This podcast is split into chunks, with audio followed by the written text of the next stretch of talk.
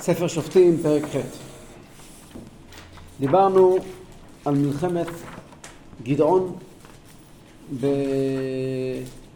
במדיינים. ראינו איך הוא הרג את אה, עורב וזאב, לא הוא הרג, אלא בני אפרים הרגו. רוצה להזכיר כמה נקודות היום, אנחנו נדבר על סיום המלחמה, שהיה לזה השלכות פוליטיות מאוד רחבות בתוך, בתוך עם ישראל. הסיפור היה, אני רוצה להזכיר, שגדעון תקף באמצעות 300 לוחמים את מחנה מדיין שהיה רב ועצום בעמק יזרעאל ואז הם התחילו לברוח. ואז גדעון מהר מהר גייס צבא חדש. הוא רץ והודיע, שלח והודיע לשבטים מסביב, ובמיוחד לבני אפרים, לרדת מההר ולתפוס את מעברות הירדן. לא לאפשר לברוח. בני אפרים יורדים מההר ותופסים את עורב וזאב, שני מלכים של מדיין, והורגים אותם. אוקיי? כעת המלחמה עדיין בעיצומה, אבל מתרחש פה אירוע מאוד מעניין, שפעמיים אנחנו נראה בפרק הזה אירוע של uh, כמעט מלחמת אחים. בואו נראה. פסוק א'. בואו נראה. ואמרו אליו איש אפרים, מה דבר הזה עשית לנו? לבלתי כרות לנו, כי הלכת להילחם במדיין, ויריבון איתו בחוזקה. בני אפרים מגיעים בטענה לגדעון. למה לא קראת לנו בהתחלה? אבל הוא קרא להם, הוא לא קרא להם. פיזר אותם. לא, בני אפרים לא היו שם. תסתכל בפסוקים, תראה שהוא קרא, הוא קרא לבני, הוא קרא רק לחלק מהם, לא לבני אפרים. הוא קרא לזבולון, הוא קרא לשבטים באזור הזה. כן. הוא לא קרא לבני אפרים, הוא קרא נפתלי. לבני אפרים הוא לא קרא. והטענה של בני אפרים היא טענה מאוד חזקה, מכיוון שאפרים מחזיקים את עצמם באיזשהו מקום השבט המרכזי של עם ישראל. ישנם שני שבטים מרכזיים בעם ישראל, יהודה ואפרים. מה עם לוי? לוי הוא ודאי לא מרכזי, הוא לא מרכזי בשום דרך שקשורה למלחמה ונחלה. קטן. הם לא לוחמים, לא נלחמים. אבל בני, הפוך, הם למעשה מחזיקים את לוי, כל ה... כן, לא רק הם, לוי, לוי הם במעמד באיזשהו מקום, אמנם הם משרתי ישראל, משרתי השם, אבל באיזשהו מקום הם אין להם נחלה, אין להם בית, אין להם, הם מקבצי נדבות באיזשהו מקום. אין להם נשק, אין להם כלום. דווקא להם היה צריך שיהיה... ה- לא, לא, השם הוא נחלתם. אז זה מספיק להם הרוחניות מה שהם... בדיוק. זה התפקיד, איך כתוב שם ברמב"ם, כן, הקדוש ברוך הוא. אבל אפרים, אפרים, אנחנו נאמר עוד מעט בראש השנה מגיע. ויקיר לי אפרים, נכון? אפרים, אפרים, מה זה אפרים? כי זה בעצם מגיע, זה שני הקודקודים, זה יוסף ויהודה, כן? ויוסף זה בעיקר אפרים. למה אפרים? מי היה המלך הראשון של עם ישראל באמת? יהושע בן נון. זה. יהושע בן נון. יהושע בן נון זה אפרים. וכאשר מתפצלת מלכות ישראל ממלכות יהודה, את מי שמים בראש? ירובעם בן נבט משבט אפרים. שבט אפרים תופס את עצמו שבט מאוד מאוד מרכזי בצפון. ובעצם, כן, יש את יהודה, זה נכון, אבל זה בדרום. בצפון, אנחנו מדברים פה כעת, הסיפור שכל כולו מתחולל בצפון, זה אפרים. ומנשה, עם כל הכבוד, מנשה, זה, זה, זה שימי מנחה על ראשו, אולם אחיו הקטון יגדל ממנו, וזרעו יהיה מלוא הגויים. זה נאמר, אגב, כתוב שם ברש"י, מנשה הולך על גדעון, ואפרים הולך על יהושע בן נון ועוד. אבל בני אפרים מגיעים למנשה, מגיעים לגדעון ואומרים לו, משהו פה נעשה שלא כחוק. אתה לגמרי שכחת שאנחנו השבט הכי חשוב כאן באזור. לא קראת לנו, להילחם. ויאמר עליהם, מעשיתי אתה ככם, הלא טוב, עוללות אפרים, מבציר אביעזר. בידכם נתן אלוהים את שרי מדיין, את עורב ואת זאב, ומה יכולתי לעשות ככם? אז רפתה רוחם מעליו, בדברו הדבר הזה, פה רואים אותו כמנהיג ממש. כאן רואים אותו מנהיג שיודע ללכת כנגד רוחו של כל אחד. הוא אומר להם את מה שהם צריכים לשמוע. הוא אומר להם, אנחנו 50-50. עשינו את המלחמה הזאת יחד. אתם צודקים, הייתי צריך לקרוא לכם, לא יודע למה קרא לכם. צודקים. אני לא בא לתרץ את עצמי. אבל לפועל, עשיתם הרבה. עשיתם המון. מה, אני- איך אתם יכולים להשוות את עוללות אפרים לבציר אביעזר? מה זה עוללות ובציר? זה הדימויים שלהם מאוד מעניינים. בציר מה זה? בציר של... בציר ענבים. בציר ענבים. מה זה עוללות? עוללות זה. הקטנים האלה. הקטנים בסוף. נכון, נכון. אז הוא אומר להם, אתם עוללות אפרים, אתם עשיתם את הסוף. אנחנו הבציר, עשינו את ההתחלה, הרבה. אומר, אבל העוללות שלכם יותר גדולות מבציר אביעזר. הקצת שעשיתם, כן. הרגתם את עורב ואת זאב. אנחנו רדפנו אחרי, בלבלנו אותם. אבל בסוף, מי סגר את העסק? הם. אתם. טוב עוללות אפרים מבציר אביעזר. אביעזר הוא משבט, אביעזר, מבני מנשה. ככה מסביר רש"י. יש מפרשים אחרים שאומרים שעוללות זה חלשים, בציר זה חזקים. כן. אז אומר להם, העוללות שלכם, החלשים שלכם, יותר טובים מהבציר שלנו. תן להם בקיצור, מה שנקרא מרים להם, ואז הם... אה, ואז נחה, רפתה רוחם. עוד דבר, אה, אין דונזיר בעניין. היה להם עוד טענה, הטענה שלהם הייתה, למה קראת לנו רק בסוף? אתה יכול להביא בבקשה שם את השתייה? לא, פה, פה. זה? אני פתוח שם, אז תביא שם. ו- זה סגור. תביא. בסוף יש? יש כוס. עוד דבר, מסביר אה, כלי יקר, ש... מסביר הכלי יקר שבעצם מה שהוא אומר להם זה, אתם צודקים לגמרי, אבל ההשגחה העליונה נותנת לכל אחד את התפקיד ומיועד לו. וזה התפקיד המיועד לכם. והתפקיד שלכם יותר גדול מהתפקיד שלי. מאוד מאוד נותן לאנשים איזושהי שלווה לדעת שיש להם תפקיד. סתם רואים את זה גם בחיים. ככה הוא מנע את הכעס שלהם. גם נראה את זה בהמשך, שאפרים הם, לא פעם אחרונה שהם כועסים שלא קוראים להם למלחמה. בהמשך תהיה מלחמת אחים. לא בדור הזה, בשתי דורות אחרי זה תהיה מלחמת אחים. כשאפרים יכעסו שלא קראו להם למלחמה. אמ, עוד דבר, לכאורה, הם היו פייטרים? אה? הם היו פייטרים? הם חשובים. הרלב"ג כותב, יש ספר שנקרא תועלות הרלב"ג. ומה לומדים מזה? חוזר גדעון שהושיע את ישראל. עם ישראל היה ברצפה. וכבר שבע שנים שלא מצליחים להשתחרר משום דבר. מגיע הילדון הזה שקורא לעצמו הצעיר באלפי מנשה והקטן במשפחת בית אבי, ומושיע את ישראל, פשוט מושיע את ישראל. הוא נמצא בשיא שלו, בגודל שלו, בחוזקה שלו. הוא הוביל מלחמה שמימית לחלוטין. הוא מחזיר לעם ישראל את הכבוד הלאומי, וכבר נראה הכבוד הלאומי שחוזר אליהם מתבטא מיד במעשים. כלומר, הם מנסים עוד רגע להקים גם מדינה. עדיין לא קרה, אבל כמעט. הוא עוצר אותם ברגע האחרון. אבל הוא נמצא בשיא של השיא שלו. ומגיעים אנשים שהם חשובים בעיני עצמם, ואיפה הייתם שבע שנים? ומגיעים, למה לא קראת לנו? כן קראת לנו, מה היה צריך להגיד להם? שמעתי אתכם. אה, הכל טוב. במקום זה הוא נעמד ומפייס אותם, ומפייס אותם. זה, לומדים מזה באמת את הגדולה, איך אדם צריך להתנהג. לפעמים כשבן אדם עולה לגדולה, מגיעים לו, משגעים אותו, הוא לא, מה אתם מבלבלים לי את המוח? לכו תשגעו אנשים אחרים, כאילו, מה, מה, מה, למה הוא בכלל צריך להתייחס אליהם? בפרט שבן אדם שמגיע מה, מהרצפה, בדרך כלל כשהוא עולה למעלה, הוא נהיה זוועתי. עבד כי אם לא. ופה רואים שזה לא ככה. רואים, רואים שהוא מיועד. לגדולה. אדם גדול מסוגל להקשיב לכל אחד. טוב, אבל עדיין לא הסתיימה המלחמה.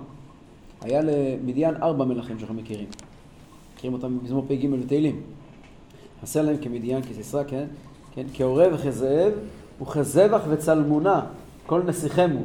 אשר אמרו נרשמנו את נאות, נאות אלוקים. אז היה לנו עורב וזאב, מי זה זבח וצלמונה? ועוד שני נסיכים. בואו נראה. כעת הוא רודף אחריהם לעבר הירדן, ורוצה להרוג, לתפוס את השניים הבאים, שזה זרח וצלמונה.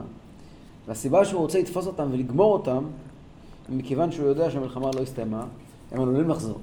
וגם אם הם לא יחזרו, הם יכולים להזיק לשבטי עבר הירדן. אז כדאי לגמור איתם עניין. כעת, כמו שאנחנו נראה, תוך כדי שהוא רודף אחריהם, הוא פונה לשבטי עבר הירדן, וכמה ערים בעבר הירדן מבקש מהם עזרה, והם לא עוזרים לו, ואז הוא מטפל בהם. בואו נראה, פסוק ד' ויבוא גדעון הירדנה עובר הוא ושלוש מאות האיש אשר איתו עייפים ורודפים. גדעון נשאר עם השלוש מאות שלו והם הולכים עכשיו למרדף אבל הם עייפים ורודפים. מה זה רודפים? כנראה עדיף רודפים אחרי ה... כן, עדיין, כן, זה גם תנועת נפש, לא רק... הם מלאים אדר- אדרנלין, כאילו, לא... עייפים הם רוצים. כן. ויאמר לאנשי סוכות, תנו נא ככרות לחם, לעם אשר ברגלי, כי עייפים הם, ואנוכי רודף אחרי זבח וצלמונה, מלכי מדיין. מגיע לאנשי סוכות, איפה זה סוכות? סוכות נמצאת, מישהו זוכר מאיפה אנחנו מכירים את המילה סוכות? איפה יש עיר בשם סוכות? חשבתי את זה, בני ישראל בסוכות ובמדבר. ויש סוכות במדבר, נכון, יש אה, ויסעו מרעמסס ויחנו סוכותה, כן. אבל יש סוכות של יעקב. איפה הסוכות של יעקב? ויעקב נשא סוכותה, ויבן לו בית ולבנהו נשא סוכות. איפה זה? באזור גלבוע צפונה. לא גלבוע צפונה. מאיפה הוא הגיע אחרי, אחרי סוכות שם? מסוכות הוא הגיע לשכם, שכם. אז זה באזור שכם. אבל סוכות נמצא מעבר הירדן. זאת אומרת, זה מול שכם, מעבר הירדן. זה ממש מול מעברות הירדן. אם דיברנו על הר אפרים, שכם זה בהר אפרים. צפון הר אפרים. אז מיד אחרי זה עוברים את הירדן, ממשיכים הלאה, מגיעים, יש שם מקום שנקרא סוכות, הוא יושב, סוכות יושב על יד אה, שפך היבוק. ו... כן, חז"ל כותבים בירושלמי שסוכות נקראת דרעלה. ובאמת עד היום יש מקום שנקרא דיר אללה, שזה שם. מי היה האנשים בסוכות? גדים. כנראה גדים. אה, אה. זה בזה, זה מתחת לגלעד, גלעד זה גד. ויאמר שרי סוכות אחריו זבח וצלמונה אתה בידיך כי ניתן לצבך לכם. מה פתאום שנאכיל אתכם? כבר השגת את זבח וצלמונה שמגיע לך שכר? אברבנאל נכנס, יורד לסף דעתם ואומר, הם ניסו לנתק מגע. הם פחדו מהמטורף הזה. מגיע ונלחם עם החבר'ה שפה שולטים כבר שבע שנים. אז הם ניסו לשחק, שבטים ושבטים לא קשורים אלינו, לא יודעים, אנחנו לא בסיפור. אם הוא ינצח אותם, אנחנו בשמחה נעזור. אבל כל מה שלא ניצחת אותם, אז תעזוב אותנו. ויאמר גדעון לכן בטאת אדוני את זבח וצלמונה בידי ודשתי את בשרכם את קוצי המדבר ואת הברקנים יש שם הרבה קוצים באזור זה הרי על יד המדבר, מדבר הסורי, אה? הם היו בחצי מלחמה, הם נעצרו והיו צריכים להמשיך. לקבל אוכל, והיו יפים כל דבריו, לקבל את המשך פוש. כן, כן. ואז לא. רואים את זה בעוד מקומות בנביא, שהצורך לקבל לחם זה חובה. אתה עובר מול עיר, בסיפור שלם, בספר שמואל, דוד המלך בעצם מעניש את נבל הכרמלי, שלא נותן לו לחם לצבא שלו. כן. זה דבר ש... עכשיו תארגנו לחם, אין דבר כזה. מה זה ברקנים? ברקן זה סוג של קוצים. ויעל משם פנואל, מי יודע איפה זה פנואל? מאיפה מוכר לנו פנואל? נואל ופניאל. פניאל או פנואל, שם הפסוקים אחד הוא פנואל, פניאל זה אותו דבר. כן. זה צריך להיות משהו סמוך, ק- קרוב ל... למה? כאן שם, איפה היה, מה היה בפנואל? מלחמת יעקב ושרו של עשיו. נכון. מזרחית ירושלים, יד סוכות. זה שוב פעם על יד, כן, מזרחית, זה על יד היבוק. הוא עובר את היבוק, כן. ושם הוא עולים. מלאך. כן, יד סוכות, מה שאמרת. נכון. ויעל משם פנואל וידבר עליהם כזאת ויענו אותו אנשי פנואל כאשר ענו אנשי סוכות ויאמר גם לאנשי פנואל לאמור בשובי ושלום אתוץ את המגדל הזה. מפרשים מסבירים ש... את, לאנשי סוכות, הוא אומר, אני אטפל בכם עם קוצים וברקנים, זה מה שהיה באזור. לאנשי פנואל הוא אומר להם, לכם יש מגדל, מגדל הגנה. אתם בטוחים שהוא שומר עליכם? אני אשבור לכם את הגאווה, אני אוריד לכם את המגדל. בסוכות לא היה מגדל. זה לא היה מגדל שעשו כשעברו את הירדן? לא, לא עברו, זה לפני הירדן. טוב, ממשיכים הלאה. גדעון מתחיל להמשיך לרדוף. וזבח וצלמונה בקרקור. ומחנה עמם כחמשת חמשת עשר אלף כל הנותרים מכל מחנה בני קדם. והנופלים מאה ועשרים אלף איש שולף חרב. איפה זה קרקור? אז הפרשנים כותבים, בפרט האנשים החוקרים היום, שזה עיר, פשוט זה עיר בעבר הירדן. אבל החוקרים המודרניים טוענים שזה מקום שנקרא ואדי סריחן, שזה 230 קילומטר מזרחית לים המלח. זאת אומרת, עמוק בסעודיה. עמוק עמוק בסעודיה. בסעודיה דווקא. 230 קילומטר מזרחית לים המלח, זה סעודיה. נכון? כמו מפה ל... זה הטבריה. למה, למה שמה? כי הם מגיעים משם. הרי מדובר פה על מדיין, מדובר פה על בני קדם, מדובר פה על ערבים. הם מגיעים משם. אז הם ברחו חזרה הביתה.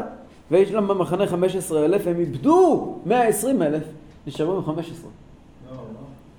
ויעל גדעון דרך השכוני והאוהלים מקדם לנובח ויוג בהר ויח את המחנה המחנה היה בטח גדעון הולך דרך השכוני והאוהלים מה זה שכוני והאוהלים? שכוני והאוהלים בפשטות זה אזור ערבי, איפה שכולם נוודים, גרים באוהלים. במדינה הנורמלית כולם גרים בבתים. אבל אנחנו מדברים שוב פעם על אזור של ערבים. וערבים נוודים, בדואים כאלה שכולם גרים באוהלים. אז הוא עובר דרך. הוא הולך למרחק העצום הזה, אבל מה הוא עושה? הוא עושה תרגיל. הוא הולך מקדם לנובח ויוגבה. נובח ויוגבה אלו ערים בעבר הירדן, שאנחנו מכירים אותם גם בסוף פרשת מטות. כן, ונובח הלך ויכבוש את... אה, עכשיו יקרא לו נובח בשמו, נכון? גם יוגבה, ובסוף פרשת מטות, במסי זה מופיע. אלו ערים שנכבשו על ידי בני גד, אה, בני, מנשה, לפני, לפני, לפני, לפני אה, הכניסה לארץ, יום משה רבנו. והוא לא עובר דרך הערים האלה הפעם, הוא מקיף אותם. הוא הולך דרך המדבר, בדרך לא סלולה. הוא לא הולך בדרך הסלולה להגיע למקום ההוא. למה? כי הוא רוצה להפתיע. והוא אומר, אם אני אעבור דרך ערים, תגיע ההודעה איכשהו, אנשים ירצו להציל את עצמם, יודיעו להם. לכן הוא מעדיף ללכת. עושה עיקוף. והמחנה היה בטח, ממילא אנשים של זרח וצלמונה היו שאננים, נמצאים בבית. הם לא ציפו למשהו שיכול לקרות. כן. וינוסו זבח וצלמונה וירדוף אחריהם וילכוד את שני מלכי מדיין את זבח וצלמ- וצלמונה וכל המחנה החריד. גדעון מגיע, תופס את זבח וצלמונה. אותם הוא הורג, את יתר המחנה, הוא לא הורג אותם, תופס אותם, כבר נראה מה הוא עושה איתם, וכל המחנה הוא משאיר לעצמו. 15 אלף איש, כולה, שנהרגו להם 120 אלף איש, השאיר אותם, לא צריך אותם, לא אכפת לו, לא מחפש להרוג אותם, הם לא יכולים לפגוע. אבל הוא לוקח את זה אחרי צמונה, אם הוא ייקח אותם, אז? כבר נראה, יהרוג אותם בסוף כמובן. אבל אה, בואו נראה מה עושה איתם. כמה הם היו אנשים במחנה, כאילו, ברגע שהם... אה, אותם? מחנה שלהם, של זרח צמונה, אולי לא רבע זאב היה עוד. לא היה יותר מ-15 כמו שהיה אצלו. נכון? היה אצלו, הוא 300 איש סך הכל. לא, לא, היה לנו היה לו יותר ממה שבאת מקודם.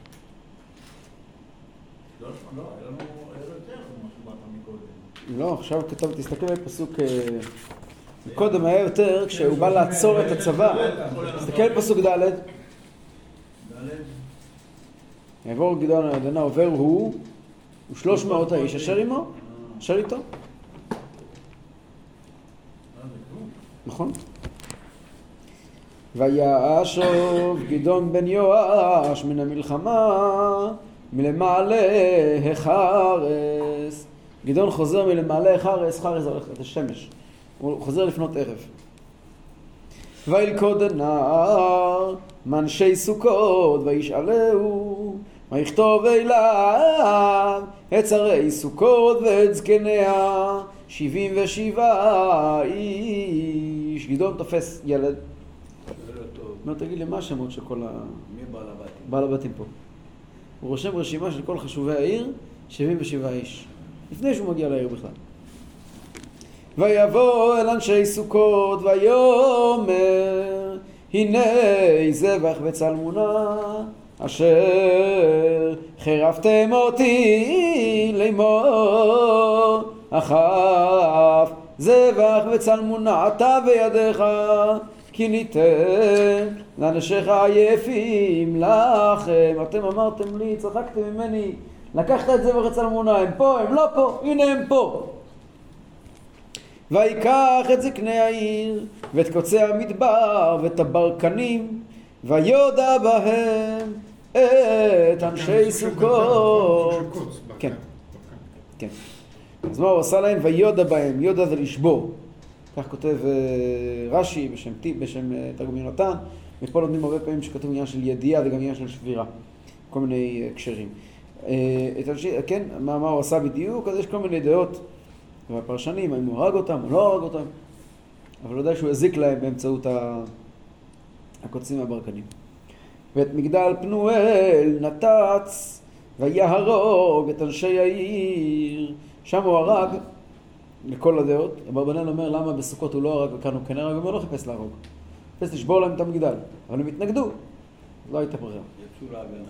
באיזה זכות ובאיזה סמכות יכול היה להרוג אותם? לא כתוב. מאיזה זכות הוא יכול היה להרוג אותם? כי הם חלק מהשבטים, אדמו"ר. בתור מה הוא הורג אותם? בתור הוא היה על תקן מלך. על תקן מלך, נכון. ברגע שכולם היו כפופים תחתיו, אז דה פקטו הוא מלך. גם אם הוא לא מוכר ככה דה יורו, דה פקטו הוא מלך ומותר אם מישהו ממרה את פיו, ובטח בשעת מלחמה.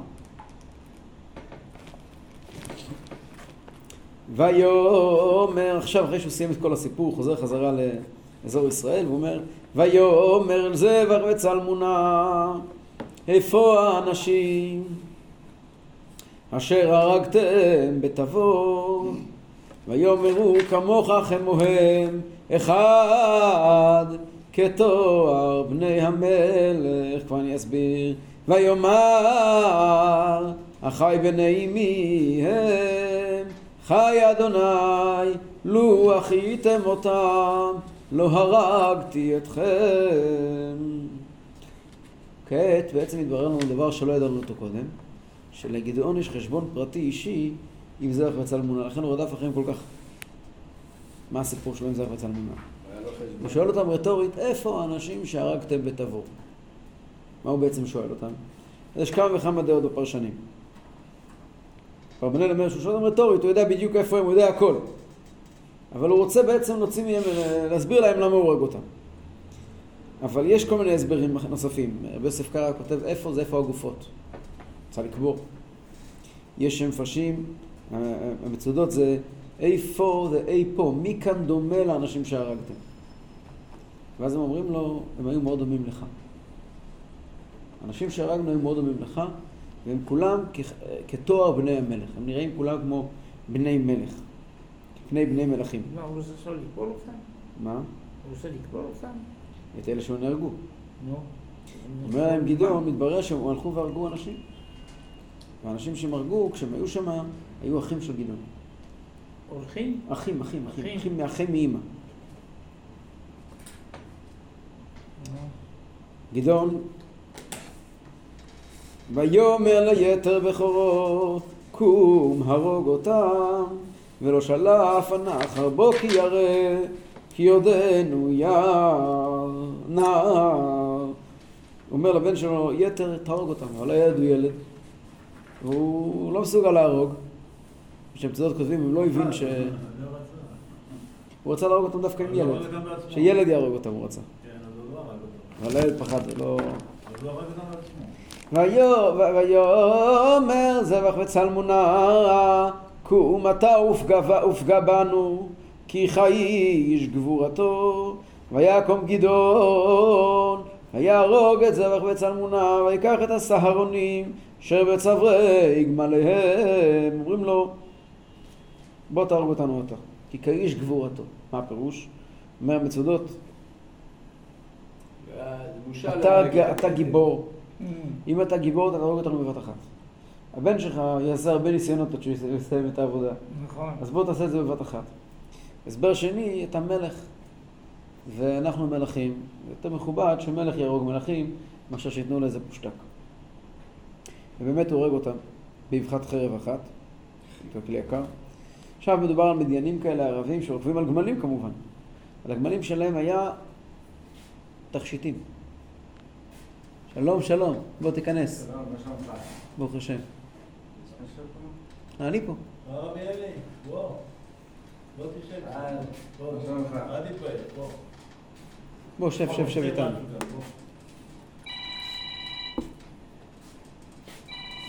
על, ה, על, ה, על הגמלים היה סהרונים. מה זה סהרון? תכשיטים. תכשיטים בצורה של ירח. ירח. כנראה כבר אז היה להם איזשהו קטע של הערבים הירח. אז המנהג היה שמי שהורג את האויב זוכה בכל רכושו. אז גדעון הרג אותם ולקח בעצמו את הסהרונים. והייתה חתיכת הצלה ממדיין, היה באמת אירוע מאוד מאוד משמעותי לעבור עם ישראל. השבטים הרגישו שעול כבד ירד מעל צווארם. גדעון, שהיה אלמוני, פתאום זכה לכזו סייעתא דשמיא וכזו הנהגה. מילא מחליטים העם לראשונה שהגיע הזמן להקים מלוכה בעם ישראל. פסוק כ"ב: ויאמרו איש ישראל גדעון משול בנו גם אתה גם בנך גם בן בניך כי הושעתנו מיד מדיין ויאמר עליהם גדעון לא אמשול אני בכם ולא ימשול בני בכם אדוני. ימשול בכם. זו אמירה אמונית. לא אני אמשול בכם. ולא בני ימשול בכם השם ימשול בכם. ראיתי כתוב בספרים דבר מעניין למה אומרים משול בנו? לא אומרים לו מלוך עלינו? למה לא, לא אומרים לו, למה אומרים לו יש משול בנו? מולך מלך. מ- משל זה פחות ממולך. נכון? מושל זה גם יותר באופן יותר, יותר, יותר אה, אסרטיבי. מלוכה היא ברצון, מלכותו ברצון קיבלו עליהם. ממשלתך בכל דור ודור, משילות, זה כוח. למה אומרים לו משול עלינו? למה אומרים לו מלוך עלינו? משול בנו, מלוך עלינו. אז ראיתי, משול זו מילה יותר קשה, לא יותר חזקה, יותר קשה. מלך פחות היה נחמדה. צריך להיבחר על ידי... נו, העם ניגש אליו, מצוין. זה- השם. השם בחר בו. מי בחר בו? אז אמרו, אז כתוב ככה, שהם אומרים לו ככה. כמו שאתה זוכר, יוסף הצדיק חלם חלום. כן. הוא רואה בחלום שכל השבטים משתחווים לי. מה אמרו לו אחיו? המלוך תמלוך עלינו, כן. אם משול תמשול בנו. אומרים לו ככה, אם מלוך תמלוך עלינו יתקיים בימי יהושע בן נון. ועכשיו הגיע הזמן למשול תמשול בנו. אה. הוא הרי מצאצאי, הוא מנשה. אומר, מאפרים היה מלוך תמלוך עלינו. ועכשיו במנשה זה משול תמשול עלינו. הביאו לו ראיה מן התורה שהוא צריך להיות מלך. אז זה הרעיון, לכן אמרו לו, משול בנו. אומר לו, לא, לא, לא, לא, לא, אני אמשול בכם. ולא ימשול בני בכם, השם ימשול בכם. וזה גם היה פה סוג, רואים פה ששופטים לא חיפשו שררה. הם רק רצו שהתורה תמשול בעם. הם לא חיפשו למשול בעצמם. ועוד דבר רואים כאן, שהיה לו סוג של נביאות.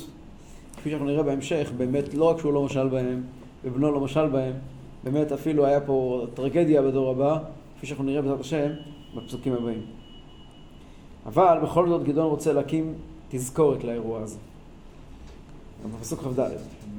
ויאמר עליהם גדעון, אשאלה מכם שאלה, ותנו לי איש נזם שללות, כי נזמי זהב להם, כי ישמלים הם. הוא אומר יש לי רק בקשה אחת, אל תעשו תימך ושום דבר. אבל כשאתם נלחמתם עכשיו במדיינים, שהם כולם ישמעאלים, כולם ערבים, יש להם תכשיט נזם. יהודים לא הולכים עם נזם, פעם ראית יהודי הולך עם נזם? יש להם נזם נזמי זהב. תעשו לי טובה, אני רוצה רק את הנזמים, תביאו לי את הנזמים. מתוך השלל שלקחתם, תנו לי את הנזמים. ויאמרו נתון ניתן, ויפרסו את השמלה, וישליכו שמה איש נזם שללו, מיד פתחו סדין גדול, וזרקו פנימה את הנזמים. את הנזמים. כן.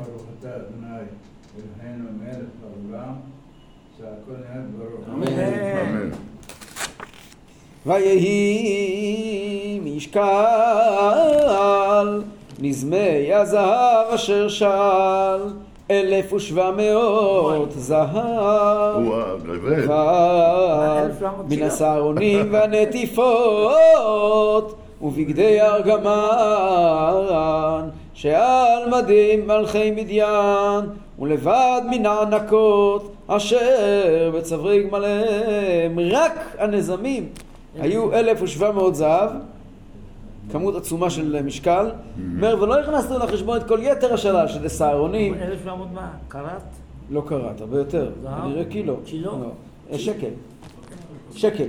שקל הקודש. כנראה. שקל, מה זה שקל? שקל זה 20 גרם.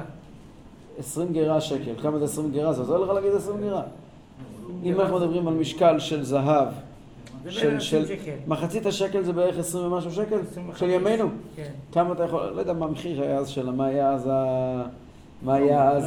לא, שם גם זה היה כסף, אנחנו מדברים על זהב. לא יודע מה, היה, מה, מה בדיוק היה מידת המשקל שלהם. אבל זה כנראה סכום גדול מאוד אם הנביא מציין את זה. חוץ מסהרונים, מה זה סהרונים אמרנו? זה מה שיש על הגמלים, נטיפות בגדי ארגמן, ויש ענקות בצווארי גמליהם, גם כן ענקות, זה גם סוג של ענק, כמו ענק של... אה, תכשיטים. כן, תכשיטים. חז"ל אומרים למה הוא, כן, כבר נראה, הוא עושה את זה, הגמלים שלהם היו תכשיטים. אה? הגמלים שלהם. כן, כן. כן, הם היו יוצאים למלחמה, גם כן. כשרדפו את בני ישראל ביציאת מצרים. אה. כל הסוסים היו מעוטרים תכשיטים. פסוק כ"ז: ויעש אותו גדעון לאפוד ויצג אותו ועירו ועופרה ויזנו כל ישראל אחריו שם ויהי לגדעון ולביתו למוקש. גדעון אומר אני רוצה להקים, הוא לוקח את כל העסק הזה, בונה מזה אפוד. אפוד זה כמו בגד שלובש הכהן גדול. למה הוא עושה את זה? אז כתוב כמה הסברים, יש כתוב בחז"ל דבר מוזר ומעניין. כתוב שבאפוד היה, אבני אפוד, היה כתפות האפוד. כן. כתוב שם כל השבטים. אבל מנשה לא מוזכר שם. למה מנשה לא מוזכר שם? כי בכל מקום מוזכר אפרים ומנשה. שם כתוב יוסף. איך אנשים מתרגמים יוסף, אפרים או מנשה? אבא שלהם. איך אנשים מתרגמים, יוסף זה מי זה, אפרים או מנשה? בדרך כלל אפרים. אפרים זה העיקר. אז הוא הרגיש שכביכול הם חסרים באפוד. אז לכן הוא אמר, אני אעשה אפוד בשביל מנשה. כך כתוב בחז"ל. עוד הסבר כתוב, שאפוד כתוב בחז"ל בכמה מקומות, שאפוד למה מכבד... אפרים העיקר? ככה אמר יעקב אבינו. אה? ככה קבע יעקב אבינו. כן, למה הוא העיקר? נו, למה? הוא היה כל היום לומד, כל היום לומד תורה, ומנשה חצי יום, ואחר כך היה עוזר לממשלה. אה, יפה. אז אה, יש לזה בחסידות. כל היום היה לומד תורה. מי, אפרים? אפרים, מנשה היה לומד תכסי, מלוכה, תכסי מלוכה, היה לומד מלוכה. מעט תורה. הסיבה האמיתית, אם אתה שאלת, אז אני אענה לך. אפרים ומנשה שניהם מרכיבים את יוסף. מה זה יוסף? יוסף נקרא צדיק. צדיק זה מחבר שמיים וארץ. כן. כדי לחבר שמיים וארץ צריכים שני אלמנטים.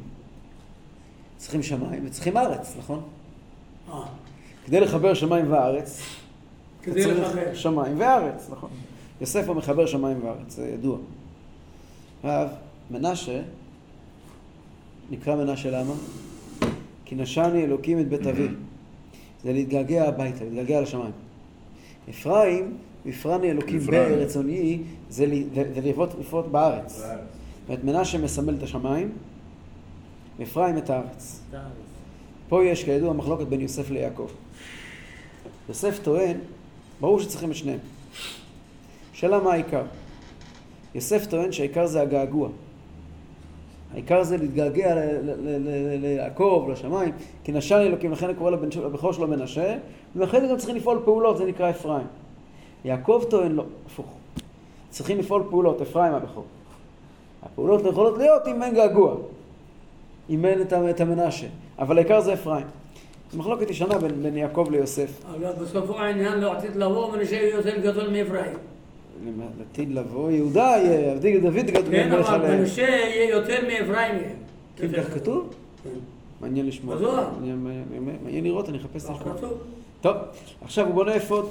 אז כתוב שאפוד עניינו מלחמה בעבודה זרה. כתוב שאפוד מכפר על ערעור עבודה זרה. היות שמנשה, שגדעון עניינו להילחם בעבודה זרה, גם מנשני אלוקים, עניינו להילחם בעבודה זרה. אגב, אפרים יצרו עבודה זרה. ומנשה הוא נלחם בעבודה זרה. אז העניין שלו, לכן הוא, הוא בונה אפוד, אבל בפועל למה האפוד הזה יצא עבודה זרה, זה כבר שאנחנו נראה עוד רגע. כותב רבנו אחידה. אחידה היה איש מתוק שאין דומה לו. יש לו ספר שנקרא חומת ענך. כן. כתב ספרים בלי גבול.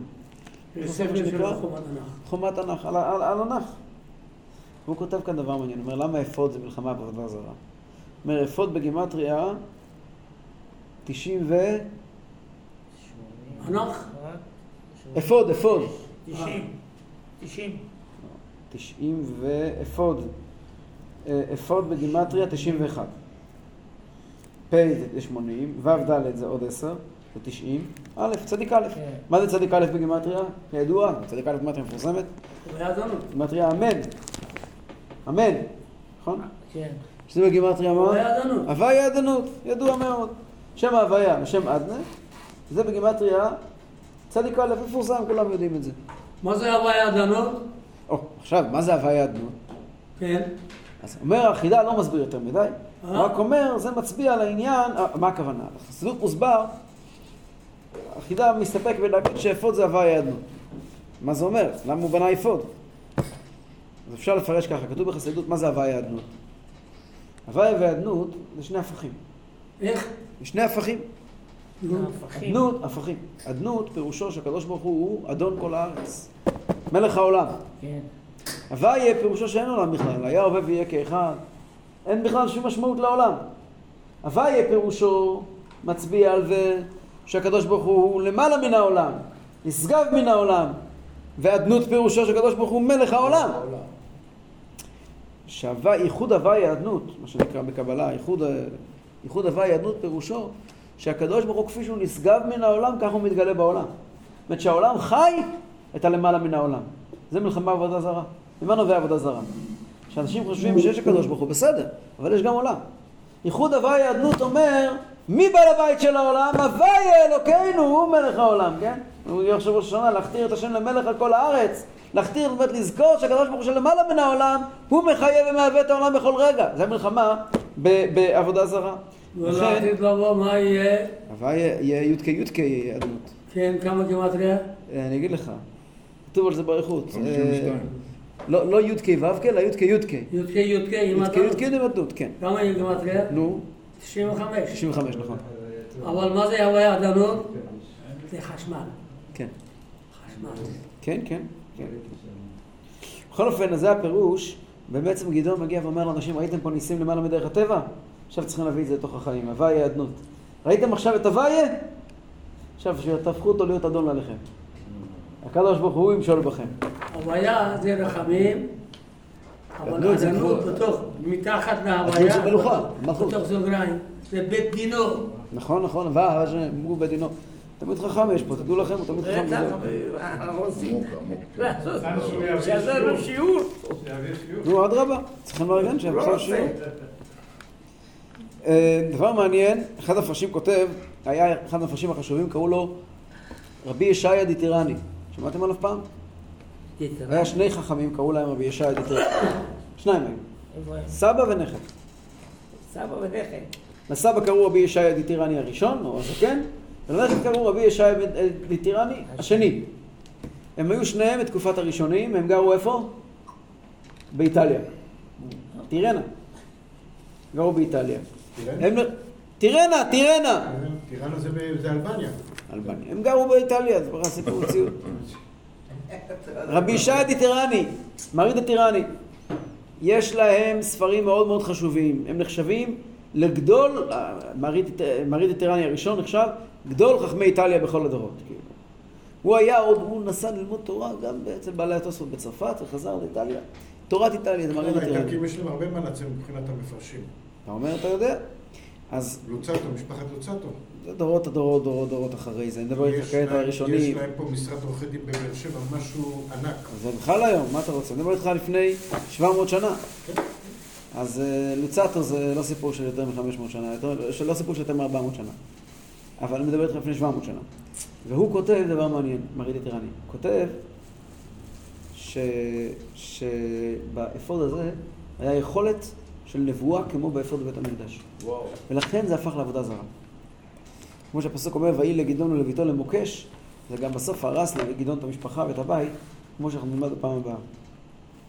פסוק כ"ח: ויקנא מדיין לפני בני ישראל, ולא יאספו לשאת ראשם, ותשקוט הארץ ארבעים שנה בימי גדעון.